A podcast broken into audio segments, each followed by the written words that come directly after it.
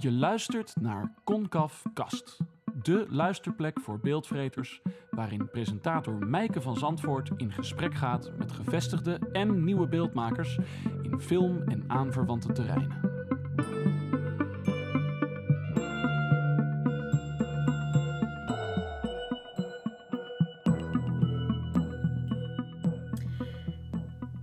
Leerde script schrijven op de Filmacademie, werkte veel samen met animator Frodo Kuipers, schreef onlangs het scenario voor de korte film De Vliegenmapper van regisseur Sanne Kortooms en hij opende onlangs zijn eigen studio, Studio Nova.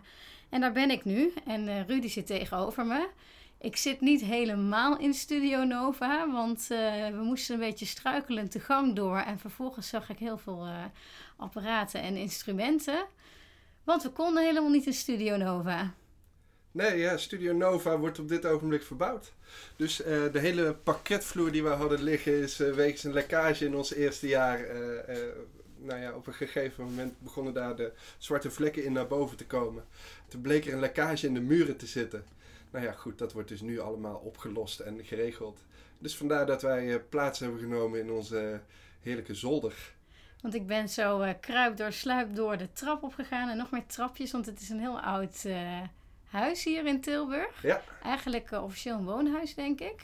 Het is, het is gebouwd door de opa van de huidige eigenaar. Dus dat is altijd in de familie geweest en er waren architecten. Dus die zijn eigenlijk continu met het huis bezig geweest. Vandaar dat je hier een gangetje hebt en daar een kamertje. En er zit geen rechte hoek in het huis en dat vind ik heerlijk. Nou ja, we zijn zo ver mogelijk van, het, uh, van de verbouwingsherrie af gaan zitten. Uh, maar omdat je druk hebt, was dit ook het enige moment dat we konden praten. Dus nou ja, sowieso dankjewel dat je de tijd hebt genomen om in mijn podcast te komen. Dus nou ja, mocht je achtergrondherrie horen, onze excuses daarvoor. We hopen dat je toch geniet van ons gesprek. Um, misschien kan je vertellen wat Studio Nova eigenlijk is? Ja, Studio Nova is een samenwerkingsproject begonnen eigenlijk in eerste instantie in een telefoongesprek met, met, met Frodo Kuipers, de animator waar je het al over had. Um, wij werken allebei vanuit huis en allebei uh, al jaren eigenlijk vanuit huis. We hadden allebei een, een, bureautje ergens staan in onze woning. En toch ook wel behoefte om af en toe wat vaker met andere mensen contact te hebben. En nou ja, dat krijg je op een gegeven moment. Dus toen begon er zo eens een klein ideetje van, zou het niet leuk zijn om ergens een soort kantoorruimtetje te delen. Aantal gesprekken later en we hebben een stichting opgericht en uh, er staat een, een, een, drie verdiepingen hoog pand wat langzaam gevuld moet gaan worden met, met film- en animatiebedrijven. ja, de plannen zijn van, van, van heel snel, van heel klein naar heel groot gegroeid. Um, en Studio Nova is, een, is een, een stichting die zich bezighoudt, moet ik officieel zeggen, volgens de statuten van de notaris, met uh, het leveren van een bijdrage aan de emancipatie van de Brabantse film- en animatiesector. Dat is ons doel. Halleluja. Halleluja. En hoe doen jullie dat in de praktijk? Nou, Buiten de... Wij proberen dus uh, stakeholders aan ons te binden. Wij bieden werkplekken aan professionals bewezen professionals. Het is, uh, wij, wij, willen ons graag omringen met mensen die elkaar kunnen inspireren. Um, Want hebben jullie dan een soort ballotagecommissie om wanneer word je wel of niet toegelaten? Ja, in, je zou zeggen, als dat allemaal volgens de hele officiële weg zou gaan zoals wij het ooit bedacht zouden hebben, uh, dan, dan uh, was daar inderdaad een soort commissie voor en wie komt hier. Maar in de praktijk denk ik dat we zo veel mogelijk zoeken naar een uitgebalanceerde mix van bedrijfjes die hier zitten. Zodat je echt iets aan elkaar hebt. Kijk, als je vijf of zes mensen uh, naast elkaar hebben zitten die allemaal hetzelfde doet, doen, dan krijg je ook nog uh, onderling van, oh, dan gaat die opdracht daar naartoe, die opdracht. En dat is natuurlijk niet de bedoeling. De bedoeling is dat je elkaar aanvult. Gebruik kunt maken van elkaars kennis, gebruik kunt maken van elkaars netwerk. Iedereen kent weer andere mensen en dat merken we echt al heel erg. Dat je kunt koppelen mensen aan elkaar. En, uh, iedereen waar, hoe, lang, uh, hoe lang is het open? Ja, negen maanden. Ja, wauw. Dat is nog niet heel lang. En jullie waren begonnen met z'n tweeën. En met hoeveel zijn jullie nu? We zijn met z'n vijven nu. En we hebben één verdieping, de onderste verdieping is ingericht. En de bedoeling is dat uh, eigenlijk als een soort aquarium, uh, wat ik zeg, het is een hoog pand, dat het, uh, dat het zich vult met bedrijfjes over de komende drie, vier, vijf jaar. We willen dat rustig doen. We willen niet in één keer een enorme buts mensen die elkaar niet kennen bij elkaar brengen in hetzelfde pand. Dus echt even de tijd nemen om uh, dit nu goed neer te zetten. dan de volgende stap te maken, weer nieuwe bedrijven erbij. En dan weer een volgende stap. En dan eh, zijn we tot en met de nok toe gevuld. En eh, dat is eigenlijk de bedoeling. En eh, je woont hier nu nog. Ja, Maar op een gegeven moment moet je dus je eigen, moet je, je eigen woon, eh, woning uit, eh, als ik jou zo hoor. Ja, maar dat was een soort onderdeel van hoe konden we dit mogelijk maken met z'n vijven. Het is een, het is een groot pand, het is een mooi pand, ehm, het is ook een duur pand. Dus met z'n vijven konden we dat, ja, als je daar, alleen een bureautje huurt, dan kom je niet aan, aan, de, aan de totale kosten per maand. Toen dacht ik, ja, maar als ik nou gewoon mijn huis verkoop en die bovenverdieping ga huren, dan ga ik daar gewoon wonen. En als wij dan verder zijn, dan ga ik er wel weer uit en dan zoek ik weer wat anders. Dus eh, het is een eh, persoonlijk, ja, op persoonlijk vlak ook een investering. Eh, maar ik woon hier graag eigenlijk nou, dus ik hoop dat het nog even duurt. Ja, precies, kan ik me ook voorstellen. Ja. Je had het al over samenwerken. Ik kan me voorstellen dat het vak scenario schrijver op een bepaalde manier een soort eenzaam beroep is. Heel. Is het, is het, eh, klopt het eh, romantische beeld van de hardwerkende, zwetende, misschien wel alcoholdrinkende en rokende schrijver? Klopt dat beeld in jouw geval? Oh, in mijn geval, dat deed het wel ooit. Ehm, maar eh, we wonen ook in Nederland en je moet de schoorsteen laten roken. Dus ik, wat, toen ik klaar was met mijn studie aan de filmacademie, heb ik eigenlijk ook heel snel geleerd om bijvoorbeeld te monteren, om eh, After Effects te doen, om eigenlijk breed inzetbaar te zijn in de sector, om ook ja, een plekje te vinden. Want het klopt, je, bent, je, hebt een hele, je neemt een eenzame positie in in het hele gebeuren. Je bent aan het werk lang voordat er een hele crew betrokken raakt. Eh, eigenlijk ben je, ben je steeds weer opnieuw dingen aan het voorleggen aan producenten, ideetjes aan het voorleggen, concepten aan het voorleggen. Eh 90 van de 100 keer krijg je daarop terug. eh, hartstikke leuk, goed gedaan. Gaan we niet doen, is te duur of hè, wat dan ook. Om andere reden dat dat niet doorgaat. Dus ik heb eigenlijk al heel snel bedacht, ik moet meer kunnen. Ehm, dus ja, ik ben mezelf ook meer gaan aanleren. En eh, ben nu aan het produceren en eh, eh, op, op hele andere vlakken ook aan het werk. En daarnaast is mijn, mijn oude liefde nog steeds het scenario schrijven. Maar ik heb me wel een beetje onttrokken aan, aan dat beeld wat jij schetst. Want ben je, is een scenario schrijver eh, van nature een Einzelganger? Dat denk ik wel. Dat denk ik wel, want je doet heel veel in je hoofd. Ehm, je bent eigenlijk op het moment dat ik iets aan het, aan het opbouwen ben, voordat ik achter papier ga zitten, dat is mijn manier van werken, ik wil niet zeggen dat het voor andere schrijvers ook zo geldt, maar voordat ik achter papier ga zitten, eh, heb ik al vaak een hele wereld ontworpen en personages en, en dat doe je in je hoofd. En dat is bijna niet te doen als je heel veel contact hebt met anderen en, en continu ook met andere dingen bezig bent. Dus ik moet me wel afsluiten wanneer ik echt concreet met iets aan de gang ga.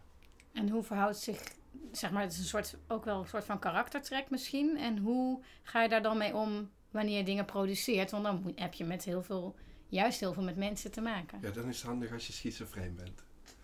Als je Ja, maar gewoon is kan dat- switchen van de ene persoonlijkheid naar de andere. Maar dat zit blijkbaar allebei in je, toch? Of heb Ja. je dat ontwikkeld? Nee, ik denk niet dat je... Nou ja, je ontwikkelt het wel. Het, het is allebei waar. Het, het zit in je, allebei. En je ontwikkelt het allebei. En aangezien mijn eerste... eh, ik, ik ben met scenario schrijven begonnen toen ik eh, in de twintig was of zo. Ik ben niet zo iemand die eh, op zijn twaalfde al... Ik schreef wel wat, wat verhaaltjes en zo. En dat werd wel altijd goed op gereageerd. Maar ik had nooit gedacht dat dat mijn beroep zou worden. Of wat dan ook. Ik kom helemaal niet uit die wereld. Ik kom niet uit een culturele achtergrond. Ehm, Want waar kom je vandaan qua achtergrond? Ehm, ja, eh, uit sociaal milieu bedoel je? Ja, wat meer gewoon uit de, arbeiders, eh, eh, uit de arbeidersklasse.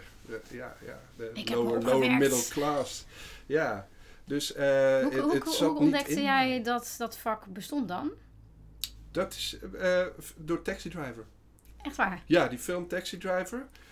Ik werkte in de Free Record Shop, want ik, ik, ik, ik speelde muziek heel lang. Dat was eigenlijk mijn grote liefde. Muziek maken, gitaar spelen. Dus als bijbaantje werkte ik ook in de platenzaak. En eh, er was net toen de DVD... Oh, lul.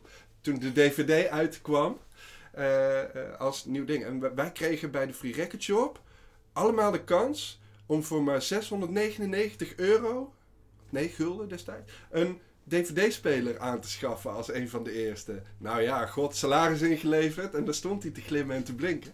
En dan kreeg je dan vijf uh, DVD'tjes kreeg je daarbij. En één daarvan was Taxi Driver. En ik was gestopt met mijn studie. Ik studeerde psychologie, daar was ik mee gestopt, want statistiek, uh, hou ik niet van. Uh, ik had me niet goed, niet goed voorgelegd zoals gewoonlijk. En ik kwam erachter dat het veel wetenschappelijker was dan wat ik dacht. Leuk met mensen omgaan. En die DVD van Taxi Driver, die, die, die, die, die deed ik er dus in. Um, en je kon switchen. Er zat een, een, een, een, een extra in. Je kon switchen van de scène naar het scenario. En toen ik dat zag en dat dat uitgeschreven stond op die manier, toen dacht ik, ja, maar wacht eens even. Dit, dit als ik iets zou willen doen, dan is dat het. En ik heb heel lang, uh, uh, ben ik als een soort ongeleid projectiel door het leven gegaan. Geen idee wat ik wilde. En op, ik weet gewoon ook nog precies van, ja, dit is het. Dus uh, is, is daar iets voor, voor? Een opleiding of wat dan ook? Is gaan zoeken. Oké, okay, dat is dus schijnbaar een filmacademie. Daar bieden ze dat aan. Even gebeld. En toen toelating gedaan. En het volgend jaar zat ik in, in Amsterdam te wonen en studeerde ik aan de filmacademie. Voelde dus, je daar ook meteen thuis? Nee. Nee, want het is een. Nou ja, goed, vanuit waar ik vandaan kwam, een, een vrij elitaire uh, uh, opleiding. Met een heel hoog ons kent ons gehalte. En wat ik zeg, ik kwam totaal niet uit dat milieu. Het enige wat ik wist is dat ik dat wilde gaan doen. Ik had mezelf daar binnen geluld. En uh, ineens zat ik daar. En, maar merkte ook dat andere mensen daar al jaren mee bezig waren. Voor wie dat echt een, een soort van summum was om daar te komen. En dan waren ze daar en dan waren ze film aan het maken. En, maar die wisten al veel meer. Die, die waren eigenlijk al, al jaren film aan het maken. Uh, ze moesten alleen nog even dat diploma hebben. En ik kwam daar echt ook om alles te leren. Ik had wat boekjes gelezen van tevoren. Ik denk, ik moet wel iets weten. Dus uh, ja, nee, dat was wel even een, uh, een, een aanpassen.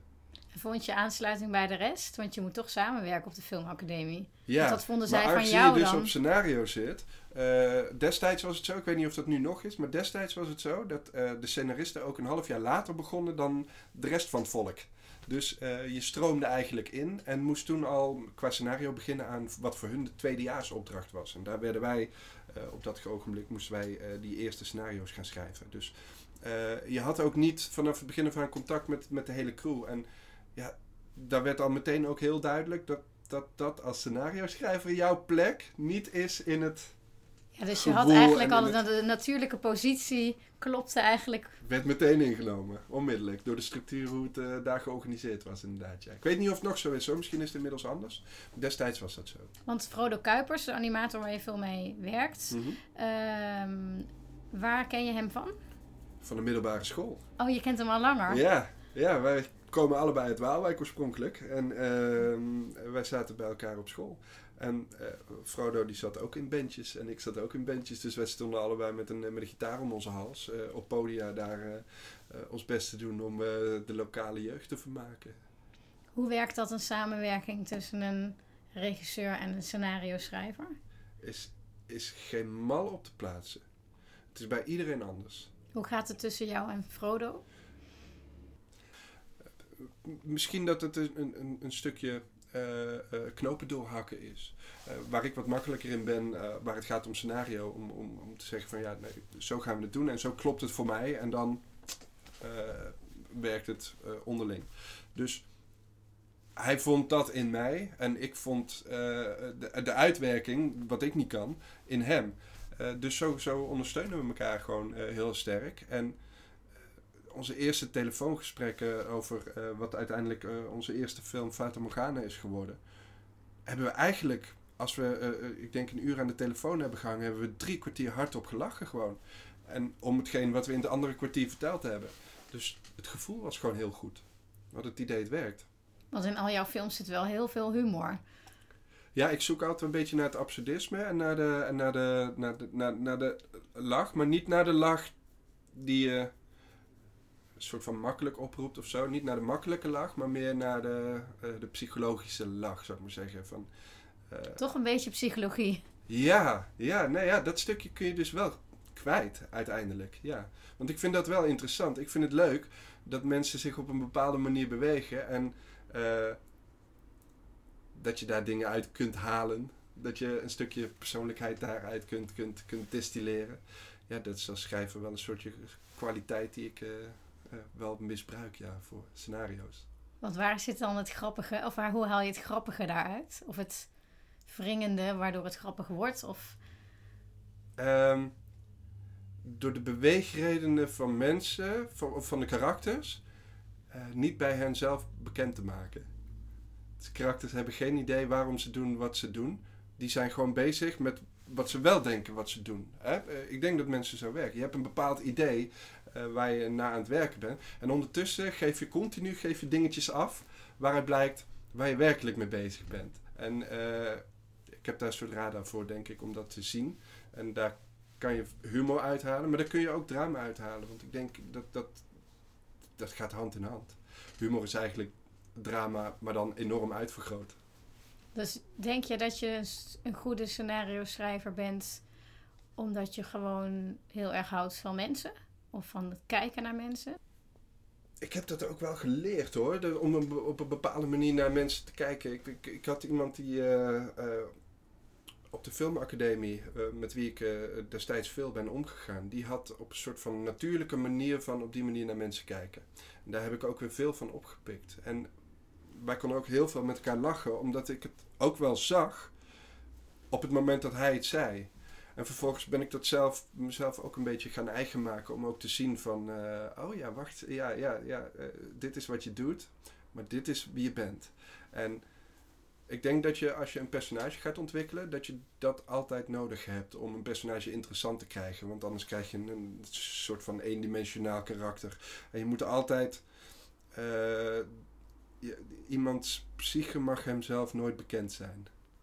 Denk ik. Ja, dat is wel een mooie samenvatting uh, van uh, misschien wel een van de tips en tricks van het scenario schrijven of het verhalen maken. Maar als kijker, wanneer je een film aan het kijken bent, een goede acteur uh, die, die kan dat dus. Dat, dat denk ik wat mensen een goede acteur maken. Want die kan dat dus naar boven brengen in een personage. Want uh, wat jij als scenario schrijver kan opschrijven is een, een handeling. Maar ik mag als scenario schrijver niet opschrijven. Maar ondertussen denkt hij, of wat hij ondertussen niet weet, dat zijn allemaal zinnen die ik helemaal niet in een scenario mag schrijven. Want ja, god, dat is, dat is een, een, een soort van diepgang waar een scenario niet voor bedoeld is. Een scenario uiteindelijk is wat, wat mijn werk is, is wat er uit mijn, mijn pen vloeit, is een, een bouwtekening. En die moet geïnterpreteerd worden als eerste door een regisseur, maar vervolgens ook door de acteurs. Die moeten hun personages begrijpen. Uh, dus een goede acteur kan, kan, kan daar lading aan geven en kan dat invullen, maar je moet het er wel in stoppen. Maar doe je jezelf ook niet tekort als je zegt, ik ben, het is slechts een bouwtekening, want je verzint toch ook het verhaal en je hebt daar toch ook een bedoeling mee met het verhaal. Ja, maar je maakt geen eindproduct. Mm Ik denk als jij een hele goede architect bent, uh, dan kan jij uh, schitterend inderdaad het, het, het, het, gebouw tekenen, je denkt het uit en noemt dat, maar dan staat het er nog niet. Pas op het moment dat het er staat en mensen het kunnen zien, dan, dan zien zij wat jij ooit is in, je, in je hoofd hebt gehad. Maar daar gaan zoveel vertaalslagen overheen. Hè, naar een regisseur, naar vervolgens naar een editor, hè, acteurs. Die, eh, iedereen brengt daar zijn, zijn dingetje nog in. Dus uh, ja, nee, ik denk wel echt dat je... Uh, als je wil leren loslaten in je leven, dan moet je scenario schrijver worden. Want je geeft iets waarvan je denkt, nou, Veel dat moet het ermee. worden. Ja, en voor mij is het ook glashelder dat het er zo staat. En, uh, uh, en, en ja, het is toch weer afwachten hoe je, het, hoe je het terugkrijgt. En hoe al die mensen daar hun eigen invulling aan geven. Is er nog een groot verschil? Want je hebt net natuurlijk de korte film De Vliegenmapper uh, is de afgelopen zomer uh, opgenomen. Ja. Waar jij het scenario over hebt geschreven. Ja. Um, is dat een totaal andere manier van werken dan uh, het scenario schrijven voor een animatie? Um, hmm, goeie vraag wordt me wel vaker gesteld, omdat, het, uh, omdat ik dus voor, voor, voor beide filmvormen werk. Ik weet niet of ik het heel erg anders zie. Uh, ik blijf uiteindelijk toch altijd op zoek naar, uh, uh, naar de beweegredenen van personages en, en de manier waarop personages met elkaar in conflict raken. Uiteindelijk, um, ja goed, heeft misschien weinig zin om, om, om specifieke voorbeelden te noemen zonder dat je het erbij kan zien. Maar net ja, zoals we kunnen misschien wel een stukje laten horen. ja, bijvoorbeeld. Nou, dan knippen we hier even. Dan laten we nu even... Wat laten we eh, horen? Een klein stukje Fata Morgana.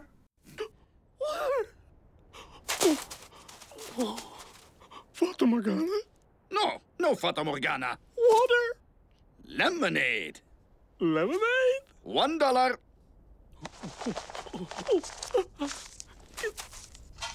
Please.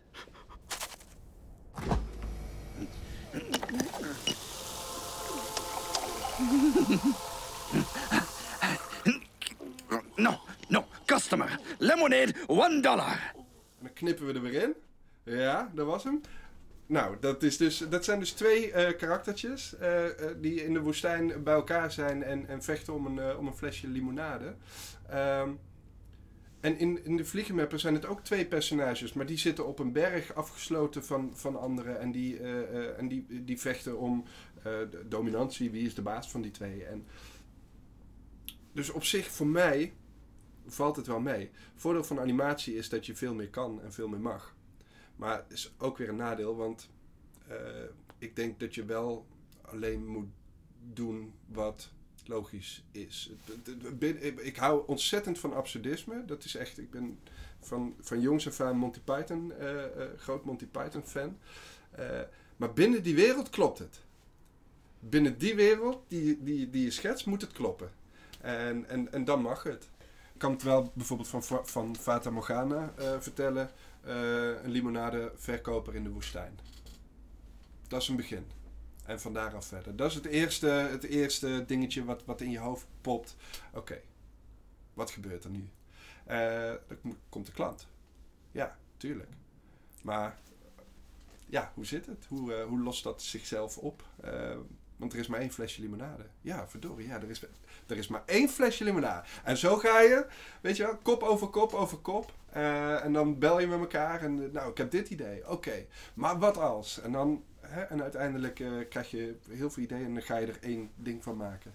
Met één visie. En voor je het weet heb je een film. Ja, precies ja. Maar, en, en zomaar hop, een jaar later ligt er ineens een film. In het geval van animatie. ja. Heb jij grote voorbeelden? Of grote voorbeelden gehad? Ehm, ja, nou, eh, ja, vroeger inderdaad. Het is de, dus de, de, de, de Britse comedy. eh, Mhm. Daar hou ik nog steeds eh, ontzettend veel van. En Charlie Kaufman is mijn, is mijn grote voorbeeld wel. Wat hij voor Ook qua elkaar... absurdistische humor. Ja, ja. ja. Wat hij voor elkaar krijgt om te vertellen. David Lynch daarnaast. wat hij voor elkaar krijgt om te vertellen door iets te vertellen waarvan je in eerste instantie denkt van ja, maar waarom zou je in godsnaam dit verhaal vertellen? En eh, hè, als je even naar de reële wereld kijkt, waarom zou iemand daar ook geld in stoppen? Maar die films die kun je drie, vier keer kijken en, en steeds eh, krijg je er weer een laagje bij. Eh, uiteindelijk is hij ook zelf gaan regisseren, heeft hij Synecdoche in New York gemaakt. Wat, ja, wat, wat, dat, met, met die film ben je nooit klaar. En dat zit ook letterlijk in de film. Dus het is, die, die, die gebruikt echt de menselijke psyche als, als zijn speeltuin. En, en ja, kan daar van alles mee. En, en maakt daar de, de meest geniale eh, v- vormen, kneedt hij daarvan. Doe je dat dan ook heel vaak elke keer terugkijken naar dezelfde film? Ja, er zijn wel, tenminste, eh, films die wat dat betreft de moeite waard zijn. Ja, ja zeker. Ja, ik kan echt de films die ik echt goed vind. Ik heb, ik heb een soort van, vrienden zeggen, eh, snobistische inslag. Eh, ik kan heel veel ook afwijzen, eigenlijk vrij snel. Maar wat ik echt goed vind, dat kan ik, daar kan ik eh, keer op keer naar kijken en naar luisteren. Dat, dat is, ja, ja, daar kan Want welke rol speelt muziek eigenlijk nu nog in jouw werk of jouw leven? Want je zei, ik kom eigenlijk, eigenlijk maakte ik altijd muziek. Ja, Doe je dat nog of heb je het soort van Ja. in- geïncorporeerd in de rest van je werk? ik ben Radiohead. Radiohead. Ja. Wat Ja. is dat? Is dat een DJ? Nee, dat is mijn, eh, mijn Radiohead coverband. Dat doe ik Ah, samen met, eh met Maurie van Loon. Zij, is, zij, zij maakt filmmuziek. Zij kan enorm goed toetsen en dat soort dingen en zo. En ik speel mijn covertjes zoals ik dat eigenlijk altijd al deed op mijn zolderkamertje. En zij begeleidt dat. En nu wordt dat misschien nog mooi ook. Dus ja, kunnen we je een keertje zien optreden dan? wellicht. Vertel. Nou, wellicht. Ik weet het Je niet. weet het nog niet. Nee, Het we is, hebben nog geen... Het is pril. We hebben gewoon eh, een ik denk primeur. een keer op. Ja, ja, dit is, het is wel gewoon een de primeur ja. van Er is nog- Radiohead op jouw zolder, ja. Ja, tussen de Radiohead eh, eh, memorabilia. Ja, precies. Ja, nee, eh, dit, dit, dit is, dit is inderdaad iets. Maar eh, ik vind het nu zo heerlijk. Ik heb vroeger in een bandje gezeten ehm, en wij hadden het idee dat we gingen doorbreken. En dat we, we hebben wel ook een cd uitgebracht en een videoclip en dat soort dingen en zo. En, maar dat is niet gebeurd. En nu is dit gewoon de hobby. En ik vind het heerlijk, want het is heel direct. Wat ik, waar we het over hadden, eh, scenario schrijven, film maken is een proces van een jaar. En een instrument pak je op en boem. En je slaat het aan en je, hebt de toon. Je gaat bij elkaar zitten en eh, je hebt de interpretatie van elkaar. Dus het is echt die samenwerking. Ik vind het zo fijn om onmiddellijk daarvan het resultaat te horen. Van als je iemand.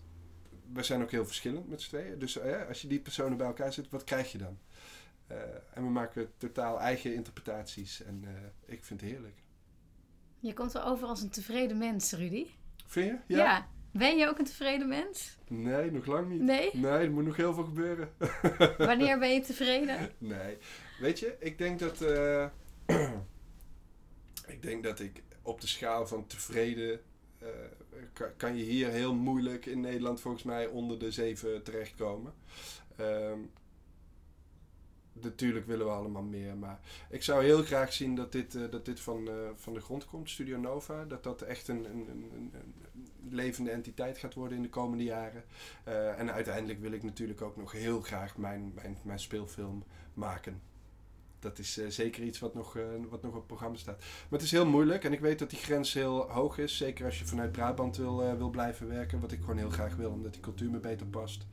Ehm, dus ja, lukt het niet, dan zit ik nog steeds op een 7,5. Ja. Ja, 7,5. We hadden het erover, hè, voordat we officieel begonnen. Goed genoeg Ja. is soms ook wel eens goed genoeg. ja, precies. Ja. Je kunt hele hoge eisen stellen. eh en hele hoge verwachtingen hebben.